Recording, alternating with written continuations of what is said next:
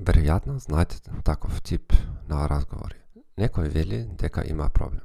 Се обидувате да предложите едно по друго решење. Сепак, секој ваш предлог е одбиен. Да, ова звучи многу интересно, но на крајот станувате лути или фрустрирани. Ерик Берн ова го нарекува игра, бидејќи се игра со основни правила.